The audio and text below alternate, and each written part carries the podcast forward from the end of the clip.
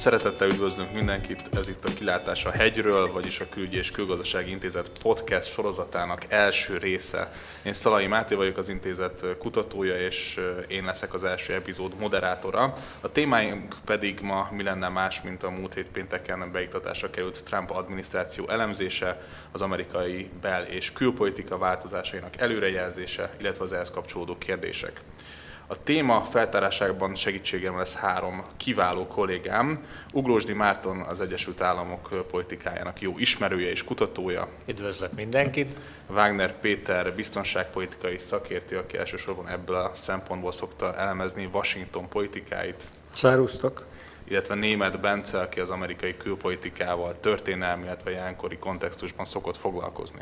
Üdvözlök mindenkit! Első kérdésem egy ilyen bemelegítő jelleggel nem is Trumpra vonatkozna, hanem még az azt megelőző Obama adminisztrációra, hogyha egy a magyar oktatási rendszernek megfelelő skálán osztályoznátok Obama tevékenységét, hatékonyságát, hogyan tudnátok értékelni, és miért olyan osztályzatot adnátok neki? Egy töltös skálán? Egy töltös skálán, így van. Én, én egy, egy négyest, négyest adnék neki. Egyrészt én azt értékelem benne, hogy szigorúan csak a, a külpolitikájára gondolva, amit elsősorban a közel-keleten e, folytatott, hogy e, sikerült megállnia azt, hogy ne keveredjen újabb háborúba, ami, amire mindig erős készítést éreznek az amerikai elnökök, és korábban is ugye azt láttuk legalábbis a hidegháború után, hogy erre vagy nemzetközi jogi alapon, vagy, vagy, vagy ilyen morális alapon mindig volt késztetés. Úgyhogy neki ezt sikerült megállnia. Tehát egy erős négyes. Egy erős négyest adnék, igen. Köszönöm, Ugrós Márton. Én is négyest adnék neki. Alapvetően azért a liberális sajtó kicsit csalódott, hogy most sem sikerült megváltani a világot, de azért az amerikai elnöknek nem is ez a feladata.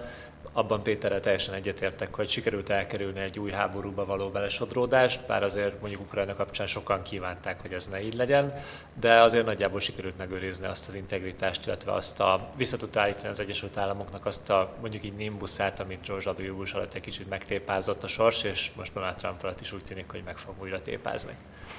Német Bence, tőle egy kicsit kritikusabb hangokra számítunk. Meg is adom ezeket. Én semmiképpen nem tudnék egy négyes osztályzatot adni, tehát legjobb, legjobb esetben is egy hármasat tudnám értékelni.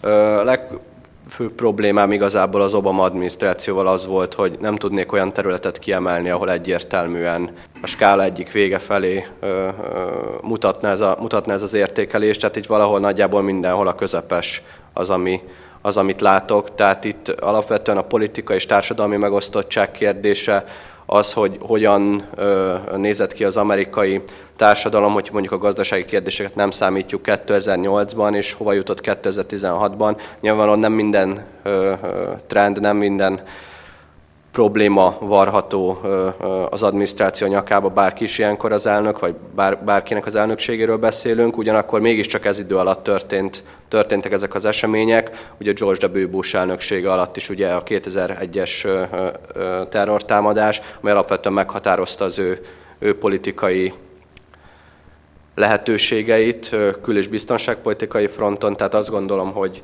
az Obama elnökség az mondjuk egy hármast érdemelhet. Azért ezek nem olyan rossz osztályzatok, és hogyha azt nézzük, hogy mégiscsak egy kormányváltás történik az Egyesült Államokban, tehát egy demokrata elnököt, egy republikánus követ, akkor mégis azt gondolnánk, hogy Obamának mégse lehetett olyan jó a tevékenysége. Szerintetek Trump megválasztása mennyire következménye mondjuk Obama sikertelenségeinek? Szerintem a külpolitikában biztos nem az az amerikai választókat nem érdekli a külpolitika, valószínűleg Kansasben azt se tudják, hogy Wyoming hol van, és viszont tehát kicsit szerintem ezt mi túl racionalizáljuk itt Európában. Annyiban azért vitatkoznék Bencével, hogy mennyire rosszak, mennyire jók ezek az eredmények, hogy szeretjük azt hinni, az Egyesült Államok feladata megmenteni a világot, de ez valójában nem így van. Ezt a szerepet ők választották, és ugyanúgy dönthetnek úgy, hogy mostantól nem feladatuk megmenteni a világot saját magától. Én ebben a környezetben értékelném egyébként az Obama elnökséget is, tehát hiába beszélünk arról, hogy igen, akkor Szíriában népírtás, meg háború, meg Ukrajnában mi történt, az amerikaiaknak legitim döntésük, hogy azt mondják, hogy kedves emberek, ne ezek, nekünk kell semmi közünk, nem akarjuk az ukrán háborút finanszírozni. Wagner Péter? Lehet, hogy ez is befolyásolja persze az Obama adminisztráció megítélését a szempontunkból, meg sokak szempontjából, hogy mennyi minden rosszra számítanak Trumptól, és egy kicsit ehhez, ezt már így be, beépítjük az értékelésünkbe. De igazából arra szeretnék visszatérni, amit Marci mondott, hogy, hogy van a közvéleményben, meg talán a, a politikai elitben is mindenhol a világban, vagy legalábbis itt Európában egy olyan általános nézet, hogy, a, hogy a, az Egyesült Államok a, a világ rendőre, és ő, fog az a, ő lesz az, aki, vagy ő az, akinek a feladata a világon mindenhol történő beavatkozás, hogyha valami történik, és ez lehet, hogy a 90-es években ugye így tekintettük az Egyesült Államokra, mint a, az unipoláris világban, aki egyedül maradt, de szerintem azt lehet látni, hogy, hogy az elmúlt 5-10 évben már hogy ez a szerep vészesen kezd véget érni, és az a kérdés, hogy, hogy mennyi, mikor fogunk erre átállni. Német Bence, mennyire értesz egyet a kritikákkal? Nem voltak ezek azért olyan kritikák, igazából csak megjegyzések.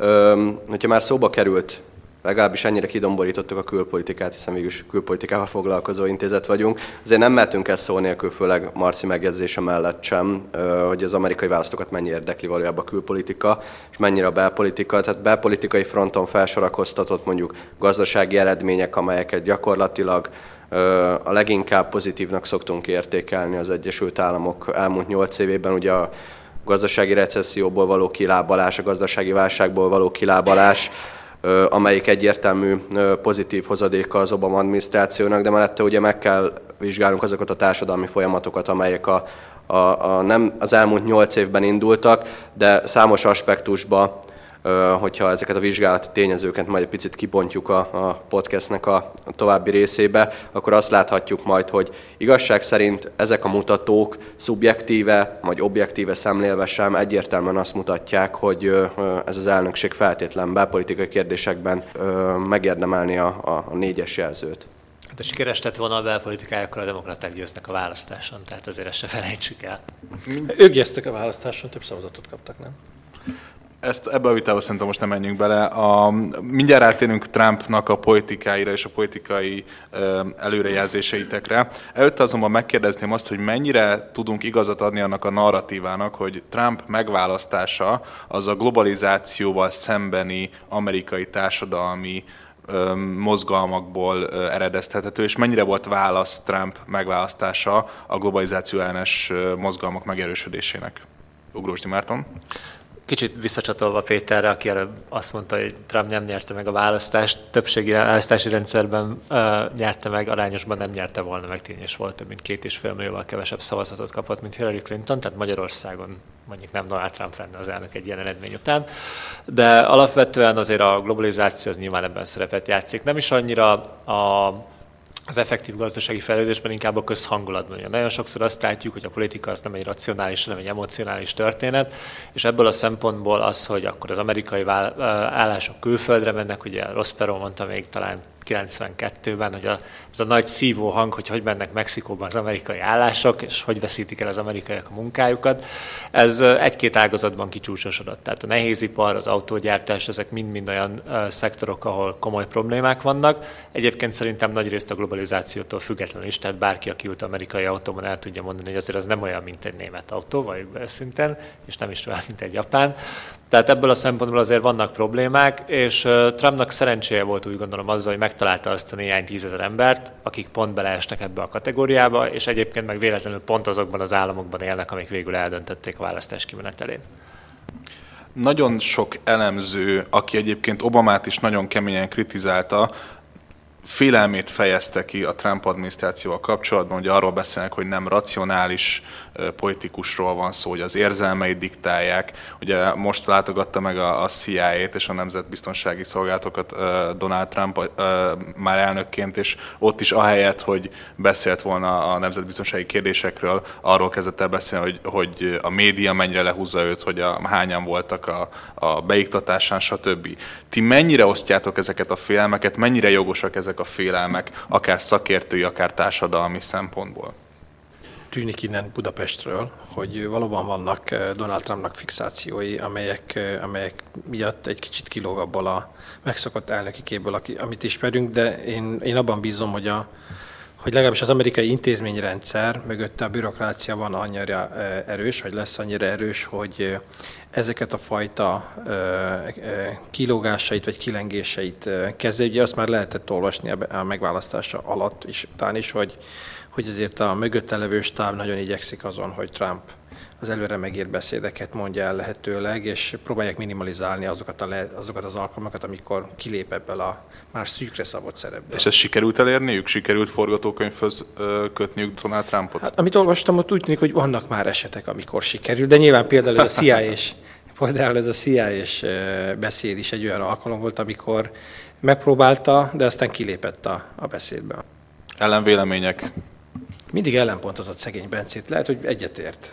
Hát most kivételesen egyet fogok érteni.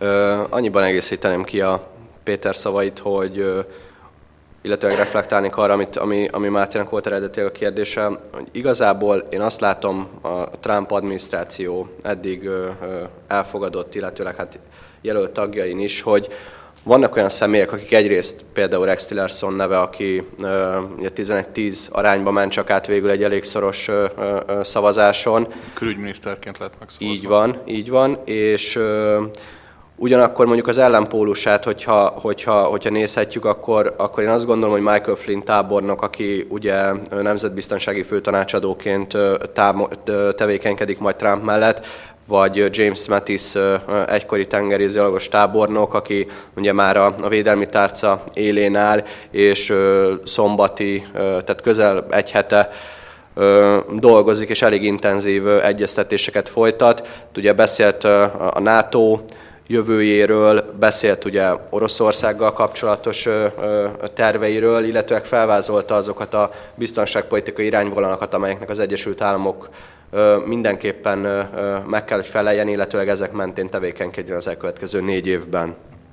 Nem ritka az ilyen interagency konflikt, tehát a különféle minisztériumok közötti ellentét az amerikai kormányzásnak a történetében. Sokszor van olyan, hogy a Pentagon például már bombázna, a külügy meg azt mondja, hogy várjunk, várjunk, tárgyaljunk. Tehát önmagában az, hogy megosztottság van az adminisztráción belül, az nem feltétlenül gond. Kicsit egyetértve azzal, amit Péter és Bence mondott, nagyon sok múlik majd azon, hogy kik fogják az effektív munkát végezni, kik lesznek az adminisztrációban. Rex Tillerson neve került szóba, ha egy olcsó viccet elsüthetek az ő számlájára, hogy régen ugye csak sejtettük, hogy az olajlobbi irányítja az amerikai külpolitikát, most már tudjuk. Tehát ebből a szempontból azért a helyzet tisztázódott. De lehet például tudni arról, hogy milyen szakértőket akar Tillerson is a saját stábjába behozni, milyen kutatóintézetekből fognak emberekbe menni alá. Tehát az, hogy Trump mit mondott a kampányban Putyinról, illetve hogy mi, mit következtethetünk ki a tweetjeiből, én ebből nem volnék le hosszú távú következtetéseket. Ugye két fél kell minden megegyezéshez döntéshez. Tehát ha Putyin átveri Trumpot, valószínűleg ugyanekkor a lendülettel fogja a csalódottságát kiélni. Érdekes, hogy ö, most került egy, egy Rex Tillerson az Egyesült Államok külügyi tárcának élére, és nem 2003-ban, amikor ugye ö, kicsit Conteo elméletesen az Egyesült Államok ugye az olajra avatkozott be Irakban. Majd most kíváncsi vagyok, hogy hol, hol fog beavatkozni, ha beavatkozik. Um, igen, természetesen nem az olaj miatt avatkozott be.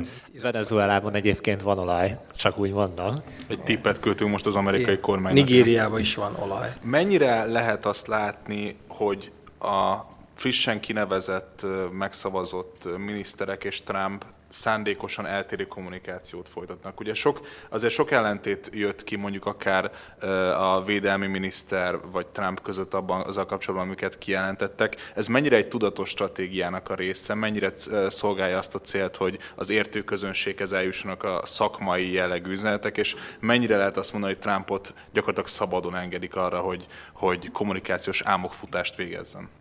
Igen, nem tudom, kire, kit akarsz inszinuálni, inszinuálni ezzel a szabadon engedik valakik Trumpot. Én nem hiszem, hogy, hogy ebben bármiféle tudatosság lenne.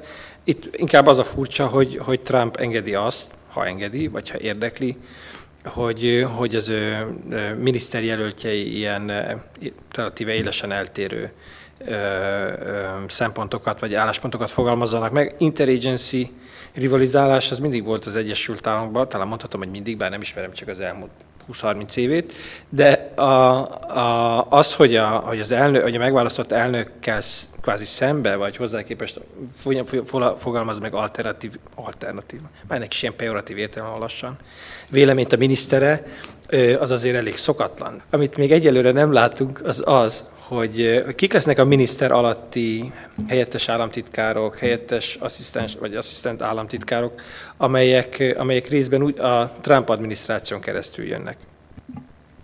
ezért mondjuk a kampány alatt sem volt teljesen szokatlan, hogy a Trump mögött álló személyek, politikusok Trumptól eltérő véleményt fogalmaznak meg bizonyos kérdésekben, tehát elég csak mondjuk az alelnök jelöltek vitájára gondolni, amikor Mike Pence fogalmazhatok így, akkor rendkívül normális módon, rendkívül összeszedetten nyilatkozott Trumphoz képest Szíriával mindenképp. kapcsolatban is konkrét vitáik voltak. Így van, de nem csak Szíriával. Tehát, tehát igazából azt látható, hogy az a trend, ami, ami az Egyesült Államokban fogalmazhatok így divat volt sok cikluson keresztül, hogy egy viszonylag karizmatikusabb ö, szemét választunk, ha épp az elnökünk nem olyan karizmatikus, mint mondjuk Obama ö, alelnökként. Itt az látható, hogy Trump mögé abszolút egy olyan, olyan ö, szemét helyeztek be Pence ö, személyébe, akit, akit mondjuk 20-30 évvel ezelőtt amerikai elnöknek képzeltünk volna el. Nagy kérdés szerintem, hogy hogy fog működni az adminisztráció. Ugye a Fehérházról azt mondják, ez a Rance és Pence show lesz, tehát ugye a Reince Priebus a kabinetfőnök és Mike Pence az alelnök viszi majd valójában az ügyeket. Trumpról egyébként is azt mondják, hogy ő hajlamos ilyen igazgató tanácsi elnökként viselkedni, tehát a politikusok mikromanagement mániájával ellentétben inkább csak az irány szabja meg, és onnantól kezdve mindenkinek saját felelőssége az, hogy, hogy hogyan hajtja végre ezeket a célokat. Egyébként én szerintem néhány szórakoztató kivételtől eltekintve nagyon felkészült kabinettet hozott hozott össze Donald Trump, ahol valóban vannak szokatlan választások, olajtársasági vezetők és hasonlók, de ezek mind olyan emberek, akik korábban már elértek valamit, és irányítottak nagy szervezeteket, és alapvetően azért attól, hogy most Donald Trumpnak hívják az Egyesült Államok elnökét, az amerikai érdekek nagyjából változatlanak. Tehát uh, ugyanúgy el akarják majd adni a szaudiaknak a repülőket, meg ugyanúgy fogják támogatni katonai segéllyel Izraelt, ugyanúgy szeretnék majd, hogyha az oroszok nem mókolnának Európában. Uh, most Trump ebben hozott egy hangsúlyeltoródást, de például a NATO kapcsán is arról beszélünk, hogy, NATO meg, hogy Trump megkérdezi a NATO-nak a jelentőségét, és azt mondja, hogy nem véli majd meg azokat, akik nem fizetik be a kétszázalékot. Az amerikaiak 30 éve arról beszélnek, vagy mióta NATO van nagyjából, hogy az európaiak nem járulnak hozzá a közös védelem költségeihez, sattaratta, sattaratta. Tehát, hogy lehet, hogy Trump ugyanezt mondta, csak a saját maga kicsit ilyen rednek módján, ha lehet így fogalmazni. Igazából még csak pár nap telt el, ugye Mattis beiktatása óta, de már védelmi, miniszter. védelmi miniszter így van. Az látható, hogy már a hétfői NATO főtitkára a történelmi egyeztetés után a Pentagon szóvivője kiállt és, és kijelentette, hogy az Egyesült Államok nem tartja lehetetlennek, hogy Baltikumba fegyveres erőket állandó jelleggel vezényel, tehát igazából ez a kétszázalékos revolverezés, ahogy Marci fogalmazott, de ez nem újdonság, de majd azért látni kell, hogy valójában mik fognak történni a NATO-amerikai kapcsolatokban. Számomra az mond a legtöbbet, hogy Kaczynszki nem aggódik. Tehát, hogyha a lengyelek nem aggódnak a NATO miatt, akkor ők vagy tudnak valamit, vagy súgtak nekik valamit. Éppen ezért én azért kritikus lennék a Trump kijelentésekkel. A, a lengyelekhez csak azt tenném hozzá, hogy, hogy ugye a lengyeleknek van az amerikaiakkal külön is egy, egy szoros kapcsolatuk. Ők, ha valakiket nem kell, hogy izgasson a, a két százalék miatti bírálat, akkor az ugye többek között a lengyelek, akik magasan költenek ehhez. Én inkább attól, attól tartok, tehát amit, amit, nagyon, amit nem láttunk, csak ilyen indirekt módon köszönnek vissza, az az, hogy a tábornokoknak, az amerikai tábornokoknak mi a véleménye valójában azokról a NATO tagországokról, amelyek, amelyek nem költenek, és amelyek nem nem veszik ki a, a terrelosztásból a részüket. Ugye már a katonák nem mondják el a véleményeket, lehet, hogy a nato vagy a saját főparancsnokságon ott kedvükre anyázzák ezeket az országokat, de csak ilyen nagyon indirekt módon. Tehát a, a, a Flynnnek, a nemzetbiztonsági főtanácsadónak ugye egyszer-kétszer volt egy, egy ilyen eleresztett mondata még korábban, most jelent meg tegnap Magyarországon is a, a volt NATO fő, brit főparancsnok helyettesnek egy ilyen regénye, amiben gyakorlatilag ugyanezt köszön vissza. Tehát csak most leg, a legutóbbi időben is több olyan alkalom volt, amikor azt láttuk, hogy, hogy a katonai vezetésben is benne van ez a frusztráció, mert ideig elvétve, az elmúlt 15 évben úgy értem, elvétve szűrődött ki amerikai politikustól az, hogy, hogy NATO tagországok nem költenek eleget. Trumpra azt mondjuk, most gyakorlatilag megegyeztünk abba, hogy egy valószínűleg egy normális figura, és nem fog, ő nem fogja a nevét adni ahhoz, hogy kilépjünk ki a NATO-t, magára hagyja az USA. De lehet, hogy mint egy katona, aki hajlamos és ahhoz szokott hozzá egy parancsokat és utasításokat követ. Lehet, hogy azért számíthatunk arra, hogy azok az országok, akik nem költenek 2%-ot, vagy csak 2020-ra, 25-re, 26-ra ígérték be, hogy azok azért sokkal keményebb, sokkal hangosabb bírálatnak lesznek kitéve, és amire Trumptól biztosan számíthatunk, az az, hogy talán ez most nem fog mindig a, a NATO miniszteri tanácskozások zárt ajtaja mögött maradni. Tehát abban megállapodhatunk, ha jól értem, hogy nem jött el a világ vége Trump megválasztásával. Mit gondoltok, milyen bel- és külpolitikai prioritásai lesznek az új adminisztrációnak középtávon?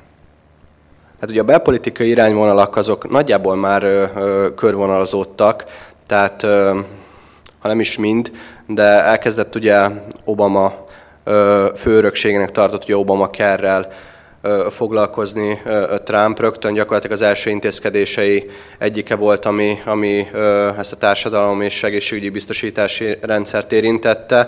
Ja, most részleteibe ebben azt gondolom nem menjünk bele, viszont ugye azt látható, hogy például ugye a másik fő sikervonal az Obama adminisztrációnak ugye a klímapolitika volt. Itt is egy éles váltás, ugye a Keystone, meg a Dakota vezetékek megépítésének elfogadása, a csendes óceáni szabadkereskedelmi egyezményből történő kilépés, amely mondjuk nem kifejezetten belpolitika, de ér, ér, mindenképpen az amerikai gazdaságot érinteni fogja.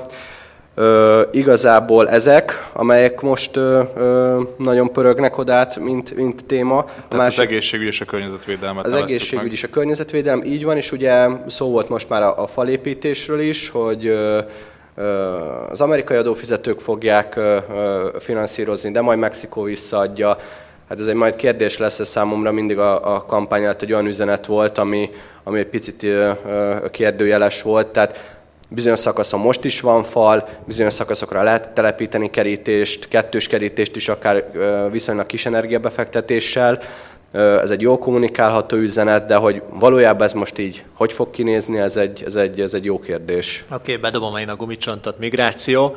Tehát szerdán írta alá Trump azt az elnöki rendeletet, ami alapvetően felülvizsgálja azt, hogy az illegális bevándorlókkal, főleg azok, akik fönnakadnak valamiféle hatósági szűrő, mi történjen. A kiutasításokat mindenképpen szeretnék felpörgetni.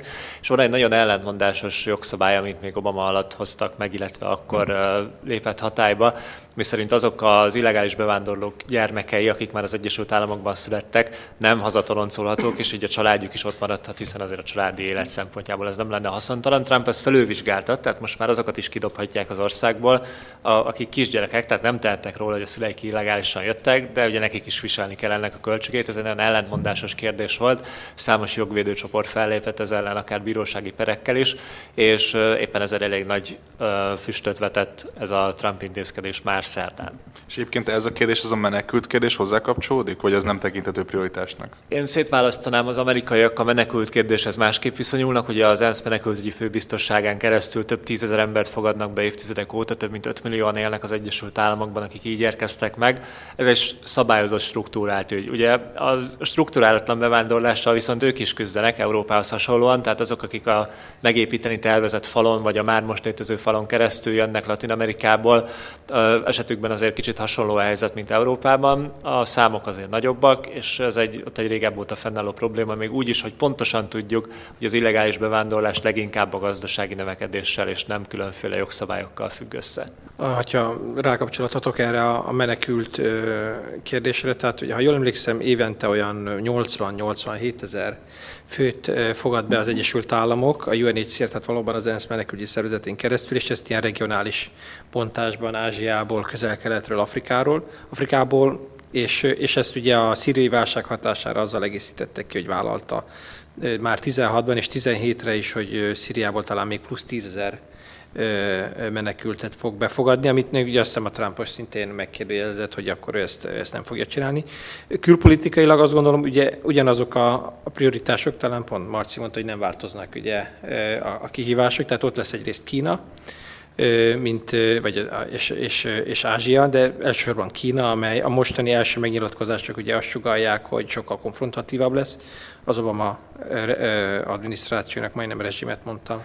Az Obama, Obama hát végülis politológilag helyes lett volna, de az Obama, Obama adminisztrációnak ugye volt már egy ilyen terve 2012 után, hogy, hogy, hogy Ázsia felé fordul, ami nem igazán jött össze az egyéb kívások miatt. Ez ugye az egyik kérdés, hogy, hogy akkor ezt Kínával hogy fogja az adminisztráció kezelni. A megnyilatkozásokból ugye azt látjuk különösen a, a Nemzetbiztonsági Főtanácsadóéból, hogy az iszlám állam, a dzsihadisták elleni harc. Az iszlám radikalizmus az Igen, általában az iszlám radikalizmus ellen az egy, az egy sokkal ö, ö, nagyobb hangsúlyt fog kapni, és ez ahhoz képest is hangsúlyos, hogy másról mennyire nem tudjuk, hogy, hogy hangsúlyos, le, hangsúlyos lesz még. És nyilván ott van Oroszország, amivel kapcsolatban most ők is, szinte mindegyik amerikai elnök egy újfajta, mármint a hidegháború után egy, egy, egy, egy, egy újfajta kezdetet, egy, egy párbeszédet akar. Az egyébként a szenátusi meghallgatásokból is jól látható, hogy Mike Pompeo, illetőleg Rex Tillerson, Mike Pompeo ugye a CIA igazgatója, most már szenátusi meghallgatás, meghallgatását még csak jelölt volt, de a, a két jelöltnek a, a meghallgatásából jól látható, hogy azok, a, azok az irányvonalak, amelyek egyébként a Trump mondhatjuk úgy is, hogy külpolitikai stratégiája jelentették mondjuk a kampány alatt, azok megfordulni látszanak, tehát vagy legalábbis kiegészülnek számos új elemmel.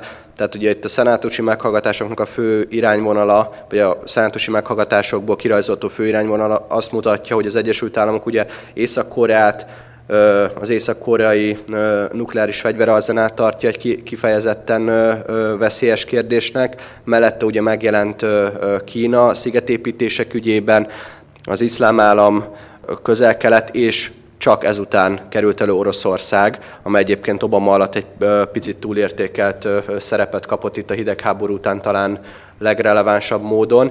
Viszont ugye azt is látni kell emellett, hogy Metis védelmi miniszter is ugye volt Szentkom parancsnokként nagy valószínűséggel nem kifejezetten az orosz fenyegetést fogja előtérbe tolni, tehát ő neki a múltban való személyes tapasztalatai vagy szakmai tapasztalatai és inkább azt mutatják, hogy az Egyesült Államok külpolitikai újrapozicionálás, ez nem biztos, hogy Oroszország felé kellene, hogy mutasson. Oroszország túlértékelt, én úgy gondolom. Nyilván mi Magyarországon nem tudjuk eléggé túlértékelni az oroszokat, hiszen itt vannak a szomszédban, de amerikai szempontból azért nem ők jelentik a legnagyobb kihívást.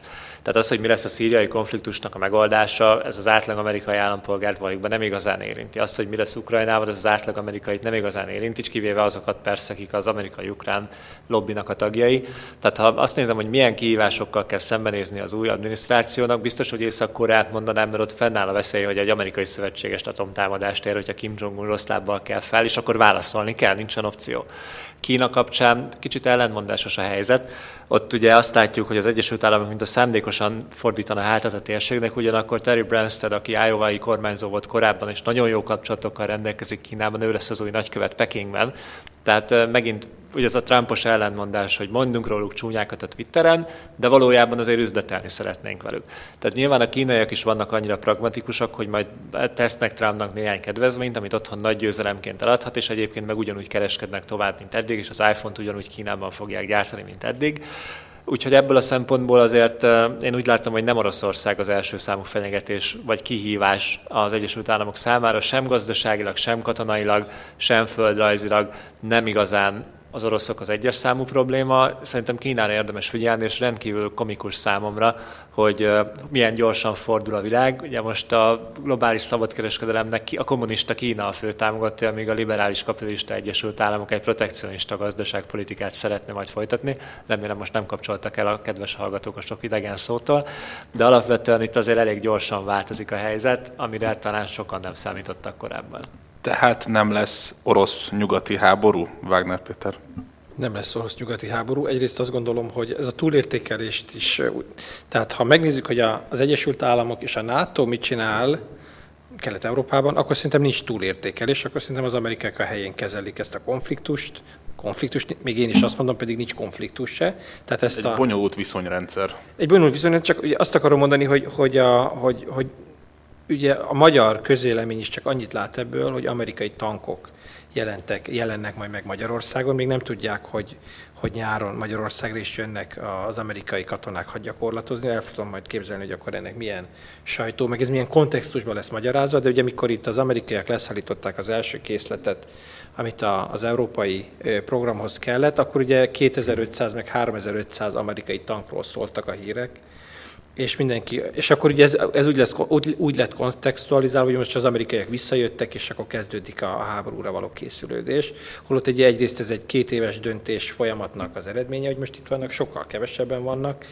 és, és szembeállítva azzal, amit az oroszok tudnak felállítani az orosz határ túloldalán, ez a fajta amerikai és NATO jelenlét Kelet-Európában még mindig sokkal szerényebb lesz. És finom, és azt gondolom, hogy, hogy amit a választások idején láttunk, hogy az oroszok beavatkoztak, meg meghekkelték az amerikai választást, meg ők döntötték el, az valóban már a hisztéria volt. De amit, amit a hard security, nem tudom, hogy mondjam szépen, terén láttunk, amennyi, amit, amit a kemény biztonság terén láttunk, hogy Európában tényleg, hogy, hogy mennyi harckocsi, repülő, amerikai katona van itt, az szerintem egy visszafogottan arányos fellépés.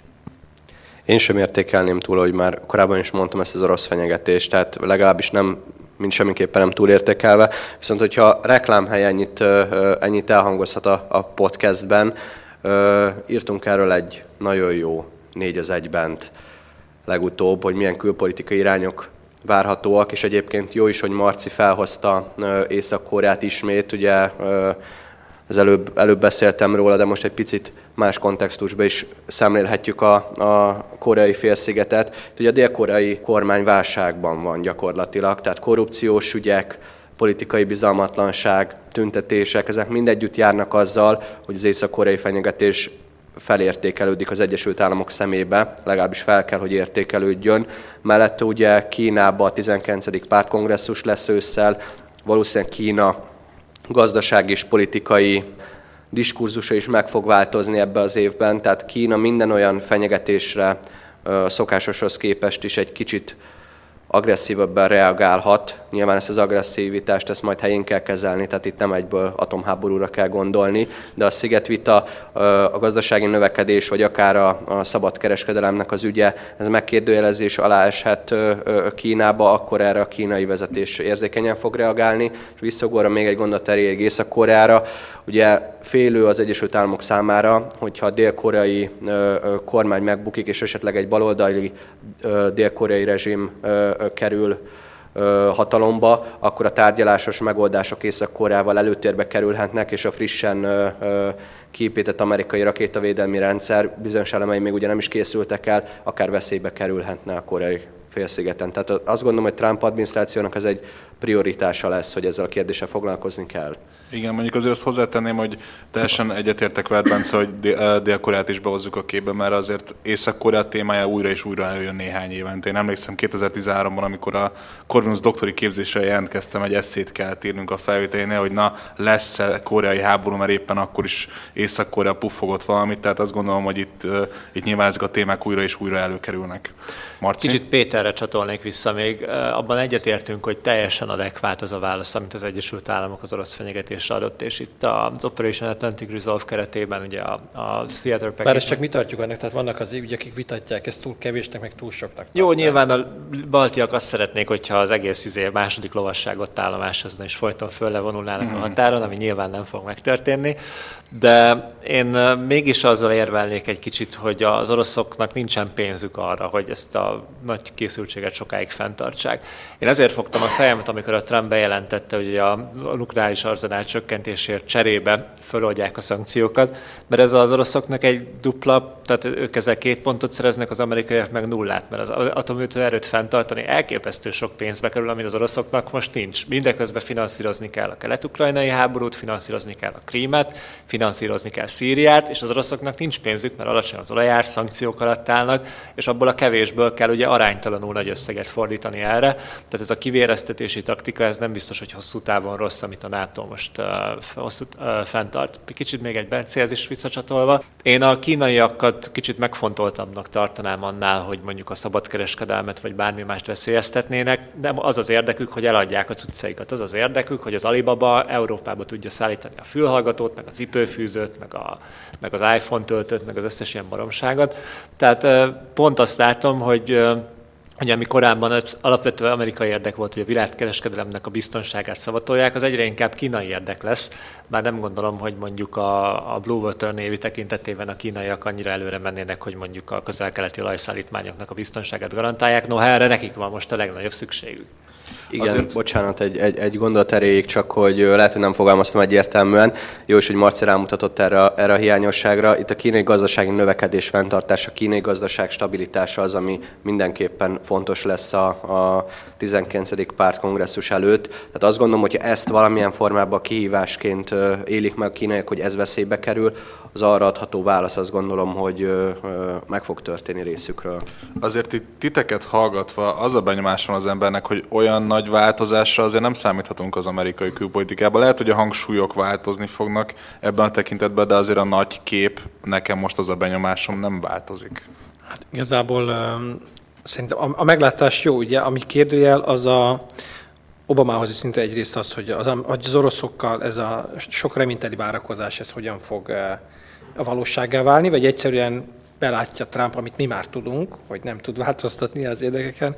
A másik meg az, hogy a, hogy a szélsőséges iszlamisták, dzsihadisták elleni harc az úgy fog kinézni, mint Obama alatt, hogy kiképzőket küldünk, meg predátorokkal bombázunk, vagy akkor megint az amerikai hadsereg partra száll, nem valamelyik országban, és, és ebbe aktívabban veszik ki a részét. Míg én Észak-Korea, meg dél szeretnék visszatérni, mert lehet, hogy azért, mert kellően tudatlanul és messziről szemlélem az eseményeket. Egyrészt én nem látom, hogy Észak-Koreával kapcsolatban bármi változás történhetne, mert tehetetlen az amerikai kormányzat, ahogy más kormányzat is az Észak-Koreával. A nukleáris fegyverei, a militarizált ország, meg a meg az elszigeteltsége miatt.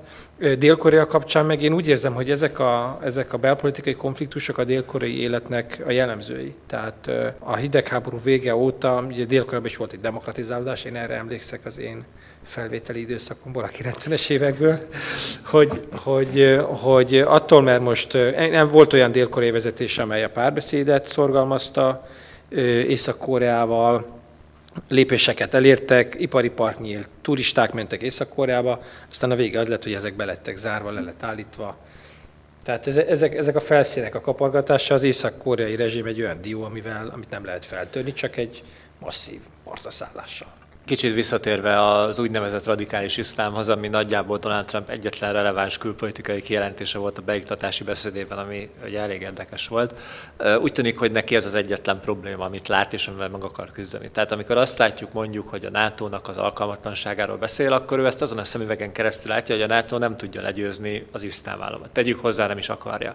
Amikor arról beszél, hogy Oroszország... Meg nem is kell neki nem is akarja legyőzni az iszlám Nem is kell. Ebben a Péterrel abszolút egyetértek, hogy nem is kell egy, legyőzni az iszlám államot, a NATO nem ezért van. Az egy védelmi paktum, aminek az a feladat, hogy a tagállamainak a fizikai biztonságát garantálja. Nem véletlen az ötös cikke legfontosabb benne, ami a kölcsönös védelemről szól. Még egy dolog ehhez, hogy a Putyin iránti lelkesedést is én ezért nagyrészt ezzel magyaráznám, hogy az oroszok ugye csinálnak valamit Szíriában, most, hogy ez mennyire megy az iszlám állam, és mennyire az Assad ellenzéke ellen, az ugye vita tárgya, én inkább az utóbbi pártján állok, hogyha az én álláspontomat kéne megfogalmazni. De ugye Putyin, a, bocsánat, tehát Trump a maga Trump Tower-ös kilátásából azt látja, hogy van itt egy kemény csávó, Vladimir Putyinnak hívják, tehát ebből a szempontból, hogyha ő a radikális iszlám ellen akar fellépni, akkor nyilvánvalóan természetes szövetséges lesz, vagy szövetséges lesz Vladimir Putyin, aki nagyon látványosan csinál egyébként nagyon keveset, tegyük hozzá legalábbis ami a szíriai rendezés ügyét illeti. Kicsit olyan ez, mint amikor a szeptember 11-i támadás után szintén Vladimir Putyin, ugye Oroszországban ez nem változik, és George W. Bush talált hirtelen egymásra, és akkor egymás nyakába borultak, és közösen harcoltak az iszlám terrorizmus ellen, ami ugye akkor is fenn volt, és a szeptember 11-i támadásokhoz kidomborították. Aztán öt év múlva úgy összevesztek, hogy egy rakétavédelmi terv lett a véget. Tehát, hogy ez egy, ez egy nyitott történet Trump oldalán is. Visszatérve még, a, hogy a NATO miért nem harcol az iszlám állam ellen, vagy a, vagy a dzsihadisták ellen. Egyrészt van egy nagyon fontos tapasztalata a NATO-nak, ezt Afganisztának hívják, aminek az lett a vége, hogy be, aminek az lett az eredmény, hogy bementek oda, fényes tervekkel, mindig követték az amerikai narratívát, mikor államépítés, mikor a kábítószer elleni harc, mikor nem tudom mi volt a fontos, és aztán az lett a vége, hogy nem tudtak kivonulni Afganisztánból. Ugye még mindig ott vannak, ez rólják többek között Obamának az egyik kudarcaként fel, hogy 2008-ban, 2009-ben megválasztásakor mondta, hogy kivonulunk Irakból és kivonulunk Afganisztánból. Furcsa volt, Irakból könnyebb volt kivonulnia, Afganisztánból még mindig nem tudott. A NATO-nak ez egy olyan fontos tapasztalat volt, hogy most már ők is megtanulták azt, amit az amerikaiak már többször megtanultak, és aztán elfelejtettek, hogy csak úgy érdemes elkezdeni egy műveletet, hogy tudjuk, hogy hogy fogjuk befejezni. Most az iszlám állam ellen elkezdeni harcolni, ami ott van több országban, a beavatkozás legitimitása mindenhol szinte kérdélesen nincs hozzá NSBT felhatalmazás, és nem tudjuk, hogy egy ilyen háború mikor ér véget, az, az a 28 tag, tagországnak rémálom lenne. Talán így Irak kapcsán még annyit, hogy tényleg bebizonyosodott, hogy összetörni dolgokat sokkal könnyebb, mint megragasztani, és a hadsereg alapvetően dolgok összetöréséhez ért. Ehhez képest mégis az, e, mind Donald Trump, mind Rex Tillerson külügyminiszter az iszlám állam elpusztítását e, tűzte ki egyik elsődleges külpolitikai céljának. Akkor ezt mennyire vehetjük komolyan, és szerintetek mennyire látja át a Trump adminisztrátor a közelkeleti politikai viszonyokat? Most elsősorban arra gondolok, hogy Irán nagyon sokat kap a Trump adminisztrációtól, mint a megválasztása előtt, mint a megválasztása után, miközben Irán az egyik legpotensebb szereplő az iszlám állam elleni harcban. Szerintem nem potens az iszlám állam elleni harcban Irán, vagy ha esetleg még mondanál erre néhány példát, akkor az segítene. Másrészt az, hogy Donald Trump azt mondta, hogy el akarják pusztítani az iszlám államot, ebben önmagában nem látok ellentmondást, mert George Bush, de még Barack Obama is úgy fogalmazta meg a saját stratégiáját, hogy amiben azt a defeat, tehát az iszlám állam disrupt, defeat, nem tudom mi volt a harmadik D szó volt, ami, amivel kifejezhetjük. Tehát igen, kevesebbet nem célozhatunk meg, azt nem mondhatjuk, hogy békét akarunk vele kötni, vagy békés egymás mellett érést akarunk vele. Nyilván az oké, okay, hogy el akarjuk pusztítani, csak az nem mindegy, hogy ezt úgy tesszük meg, ahogy Marci mondta, hogy összetörünk, bemegyünk országba, és azokat összetörjük, azzal a jász, vagy a, vagy a terroristákat keressük, vagy úgy, ahogy Obama csinálta, hogy különleges műveleti alakulatokból 50 embert, 100 embert odaküldünk, 5-10-20 drón repkedés, bombáz, és akkor még mindig kevesebb a civil áldozat, és akkor az eredmény elhúzódik. Könnyű arról beszélni, hogy hogyan lehet legyőzni az iszlám államot, de az a helyzet, hogy az életekbe kerül, és ezt, a, ezt az árat most a kurdok és az irakiak fizetik meg éppen. Tehát amíg Donald Trump nem dönt úgy, hogy tehát én eddig nem hiszem el neki, hogy le akarja győzni az iszlám államot, amíg mondjuk a 101-es légireszont hadosztályt nem dobják át Szíriába, és ez nyilvánvalóan nem fog megtörténni. Vagy a 82-est. Igen, talán a 101-es már megszüntették. Hogyha nem az iszlám állam legyőzése lesz a prioritása Donald Trump közel politikájának, akkor mi lehet a prioritása? Ezt mondom, hogy lehet, hogy a célja az a legyőzése lesz, de azt, hogyha nem dobja át a 82-es vagy a 101-est, hanem csak azt, azt folytatja, amit Obama csinált idáig, hogy nem tudom, Amerikában, most Irakban van 4500 amerikai kiképző, Szíriában van 500 amerikai kiképző, akik több-kevesebb módon nem vesznek részt aktívan a iszlám állam elleni harcban, csak támogatják az erőket. Szerintem az is megvalósítja azt, hogy ő le akarja győzni, és jobban örülnék, ha így akarná legyőzni az iszlám államot, mint hogyha különböző amerikai légideszent és ejtőernyős hadosztályokat dobná át a helyszínre, hogy azok a katonák győzik. És a kérdés mindig ugyanaz, hogy elfoglalunk egy várost az iszlám államtól, akkor, akkor mi lesz utána, kinek adjuk oda, hiszen mindkét országban, Irakban is és Szíriában is annak, hogy az iszlám állam ott van és erős, annak a helyi viszonyokból fakad a, a jelenlétük.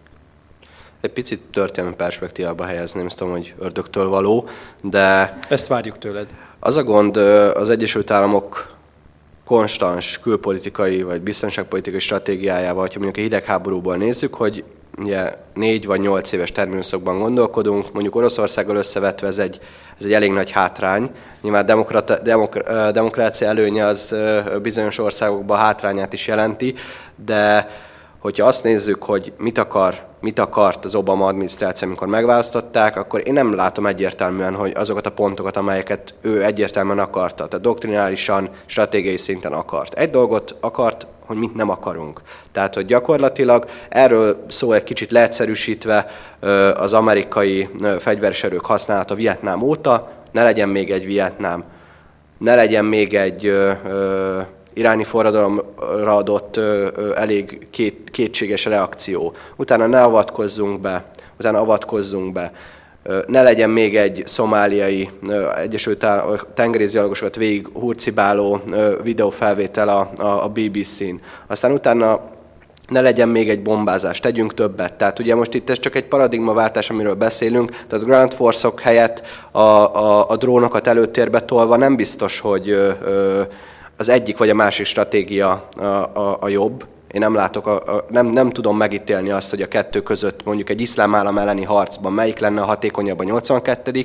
légiszállításról, és ahogy Condoleezza Rice-nak a híres szavaihoz visszanyúlok, hogy a 82. légiszállítású hadosztály nem arra való, hogy gyerekeket kísérjen az iskolába, de a drónok sem biztos, hogy arra valók, vagy csupán arra valók, hogy egy ilyen háborút megjelenjenek. Tehát nem biztos, hogy az egyik működik a másik nélkül, tehát ezt talán nem tisztem is eldönteni, viszont azt láthatjuk, hogy, hogy trump kapcsolatos várakozások is inkább olyanok, hogy, hogy Trump is azt mondja, hogy máshogy csináljuk, mint Obama. Én szerintem, én meg tudom ítélni. És, Jó neked. És azt gondolom, hogy amit mondasz történelmi kontextusban, az inkább arról szól, hogy mikor milyen problémához milyen eszköz. Tehát te az eszközök felől, vagy a beavatkozás módja felől közelítetted meg ezt a dolgot de azt gondolom, hogy, hogy én nem látom, tehát amit felépített én narratívát, én ezt nem látom. Ha, ha valóban olyan súlyú lett volna a szomáliai beavatkozás kudarca, akkor utána az amerikaiak nem akartak volna beavatkozni Koszovóba. Én úgy, tud, én úgy láttam, hogy az amerikaiak tanulnak a hibáikból, nem mindig, meg néha elfelejtik a... Az... a rövid távon tanulnak ez még mindig jobb, mint amit sok más ország tud nyújtani. És azért Szomália után volt egy Ruanda, meg voltak más válságok is, amiben az Egyesült Államok nem avatkozott. Így van. Igen, de Ruanda ugye egy ENSZ misszió volt. Amikor az amerikák beavatkoztak Szomáliába, amikor ők avatkoztak be, ők nem ENSZ misszió keretében avatkoztak be. Úgyhogy azért mondom, csak ne, nem, szerintem nem kell összekeverni ezeket a dolgokat. Amikor az amerikaiak úgy látták, hogy érdekük van, és ehhez szárazföldi erők kell, akkor szárazföldi erőket alkalmaztak. Most az iszlám állam, ami, és általában országok ellen harcoltak. Tehát most, vagy országokként definiáltó szervezetek ellen harcoltak. Saddam Hussein, Talibán. Most pedig ugye az iszlám állam, az iszlám állam már nem rendelkezik olyan fix országokkal, hogy, hogy ö, hagyományos szárazföldi erőt lehessen ellenük alkalmazni. Kicsit nekem az a bajom az amerikai külpolitikával, hogy valahogy az utolsó gondolat mindig az azzal kapcsolatban, hogy jó, jó csináljuk, de nehogy szarul nézzen ki a tévében. Tehát uh, Szomália kapcsán ezt láttuk, uh, Srebrenica kapcsán ezt láttuk, Koszovó kapcsán ezt láttuk. Tehát, hogyha van olyan látványos, jól eladható, mediatizálható ügy, mint mondjuk a Saddam Hussein megdöntése, vagy egy népírtásnak a megakadályozása, akkor akkor is beavatkoznak, ha nincs amerikai érdek. Tehát értem én, hogy nem szerették Milosevicet, de azért mondjuk Koszovónak a leszakításához, hogy pontosan milyen olyan amerikai érdek kapcsolódott, ami megérte azt az anyagi és emberi ráfordítást, amivel a koszovói háború járt, ezt valaki nekem elmagyarázza, azért egy nagyon hálás lennék. Látod, látod, bocs, ebbe volt más szerintem Obama alatt. Ott lehetett volna egy amerikai zászló Kathafi holteste mellett, vagy lehetett volna egy amerikai bomba, vagy egy amerikai vadászbombázó, ami kilövi a konvoját, de Obama nem használta ki az ezzel járó dolgokat. Azért sokan oda látják azt az amerikai zászlót szerintem Kadafi holteste mellé. Bin Ladennél ott volt minden esetre. Az így. Ugye egy lelőtt helikopter formájában. jó, de, de, talán az egy, hogy az egy talán egy nyilvánvaló eset, hiszen Bin Laden egy olyan történelmi tettet hajtott végre, ami másnak nem sikerült. Hát így van, de mondjuk líbiai beavatkozás, hogyha már szóba került az, hogy nem volt ott az amerikai zászló Kadhafi holteste mellett, de a felkelőknek kvázi a légierejét szolgáltatta az Egyesült Államok. Pont, Nyilván... hogy nem, pont, hogy nem. Hát pont ez volt a lényeg, hogy a franciák, a britek, meg az olaszok, Isten tudja, kibombázott. Így van, csak a, a franciáknak, a briteknek, meg az olaszoknak két forduló után elfogyott a bombája, aztán ott kilincseltek az amerikaiaknál, hogy adjatok cirkáló rakétát, adjatok irányított bombát. Nézőpont kérdésem, és ez is, ahogy te mondtad, narratíva hogy mit csinált az Egyesült Államok, hogy mit nem csinált. Az biztos, hogy mondjuk a líbiai beavatkozást ö, ö, pozitívumként vagy ö, sikersztoriként eladni, azért nálam erősen kérdőjeles. Nem azt mondtam, hogy sikersztori, hanem azt, hogy nem használták ki az ezzel járó PR. Jó, akkor, hogy keretez szerkezettel zárjuk a beszélgetést, hadd kérdezzem meg tőletek, hogy egy egytöltös skálán mondjátok meg nekünk, nekem és a hallgatóknak, hogy mennyire vagytok optimisták vagy pessimisták trump kapcsolatban, az öt az a legoptimistábbat, az egy az a legpessimistábbat jelenti, és miért? Elsősorban most a szintén a Trump adminisztráció szemszögéből nézzétek ezt, tehát mennyire fogja tudni megvalósítani a saját céljait? Én azt gondolom, hogy túl optimistán fut neki, úgyhogy én egy, ha egy hármast adok neki, az azt jelenti, hogy, hogy az mit jelent? Hát az, hogy meglátjuk, hogy mi lesz. Jó, inkább akkor az a vélemény, nem tudom, majd adj egy, egy osztályzatot, hogy, hogy mind Oroszországgal, mind az iszlám állam elleni, vagy a dzsihadisták elleni háborúval kapcsolatban túlzottan optimista, és, és lesz egy, egy kemény földetérése. Aztán, hogy ebből hogy fog tanulni, vagy ezt hogy fogja tovább folytatni, az nekem megláthatatlan. Nekem az egy kettesnek hangzik, Marci. Én négyest adok, egyébként furcsának hangozhat, mert részben Péterrel értek egyet, hogy egy nagyon kemény és gyors tanulási folyamaton fog Trump keresztül menni, amikor majd szembe jön a valóság, ez általában minden amerikai elnökkel elég gyorsan előfordul. Azért adok mégis négyest, mert a csapata azért elég kompetensnek tűnik, főleg ami a külpolitikát eh, érinti, és eh, én bízom abban, hogy Trump megunja az elnökösködést egy-két hét után, mert elég sok kötöttséggel jár, és ugye nehéz közben hajnali háromkor twittelni, és kiadja kvázi gebénbe majd az embereinek a kormányzást, és akkor viszont tényleg elég jó emberekkel fogunk szembesülni, akár a külügyet, akár a védelmi minisztériumot nézem. Tehát eddig egy olyan hármas átlagot láthatunk, Wagner Péter egy kettessel, Ugrósdi Marci pedig egy négyessel értékelte Trumpot. Nehéz harmadikként két ilyen okos kollega után megszólalni. Főleg azért is, mert itt Péter és Marci leszpoilerezte azt a két kritikus elemet, amit én is bele akartam szörni a mondanom, úgyhogy próbálok gyorsan egy harmadikat találni, ami szerintem én is mondjuk akkor egy négyest adok, picit más okokból, mint, mint Marci. Én abba egyetértek Péterrel, hogy a, a Trump-féle optimizmus nem indokolt, viszont én abból a pessimizmusból indulok ki, ami inkább jellemzi Trump elnökségnek általános megítélését, vagy várható elnökségi megítélését, amely részben a társadalom, részben kutatók felől érkezik Trump felé. Az biztos, hogy kilenc hónappal beiktatás után nem fog Nobel békedíjat kapni, mint Obama tette.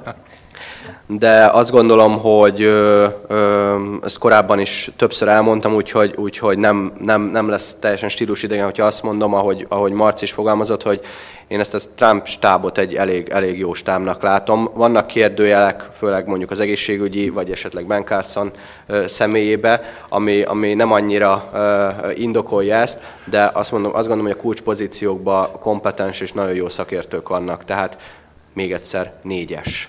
Így van, nagyon jó szakértők, de nem biztos, hogy Gorka Sebestyénre gondolok, aki legutoljára csatlakozik hát, a így van, nem, a csapathoz. Nem Gorka Sebestyén, de mondjuk uh, majdnem Gorka Sebestyén, Metis tábornok és Flynn és, és társai, úgyhogy uh, én, én jobban bízom egyébként a Fehérházon kívüli társaságban, de meglátjuk, hogy mit az a jövő. Köszönöm szépen, akkor végkövetkeztetésnek le tudjuk vonni azt, hogy nem jött a világ vége, és én egy mérsékelten optimista hangulatot érzek a Trump adminisztrációval kapcsolatban.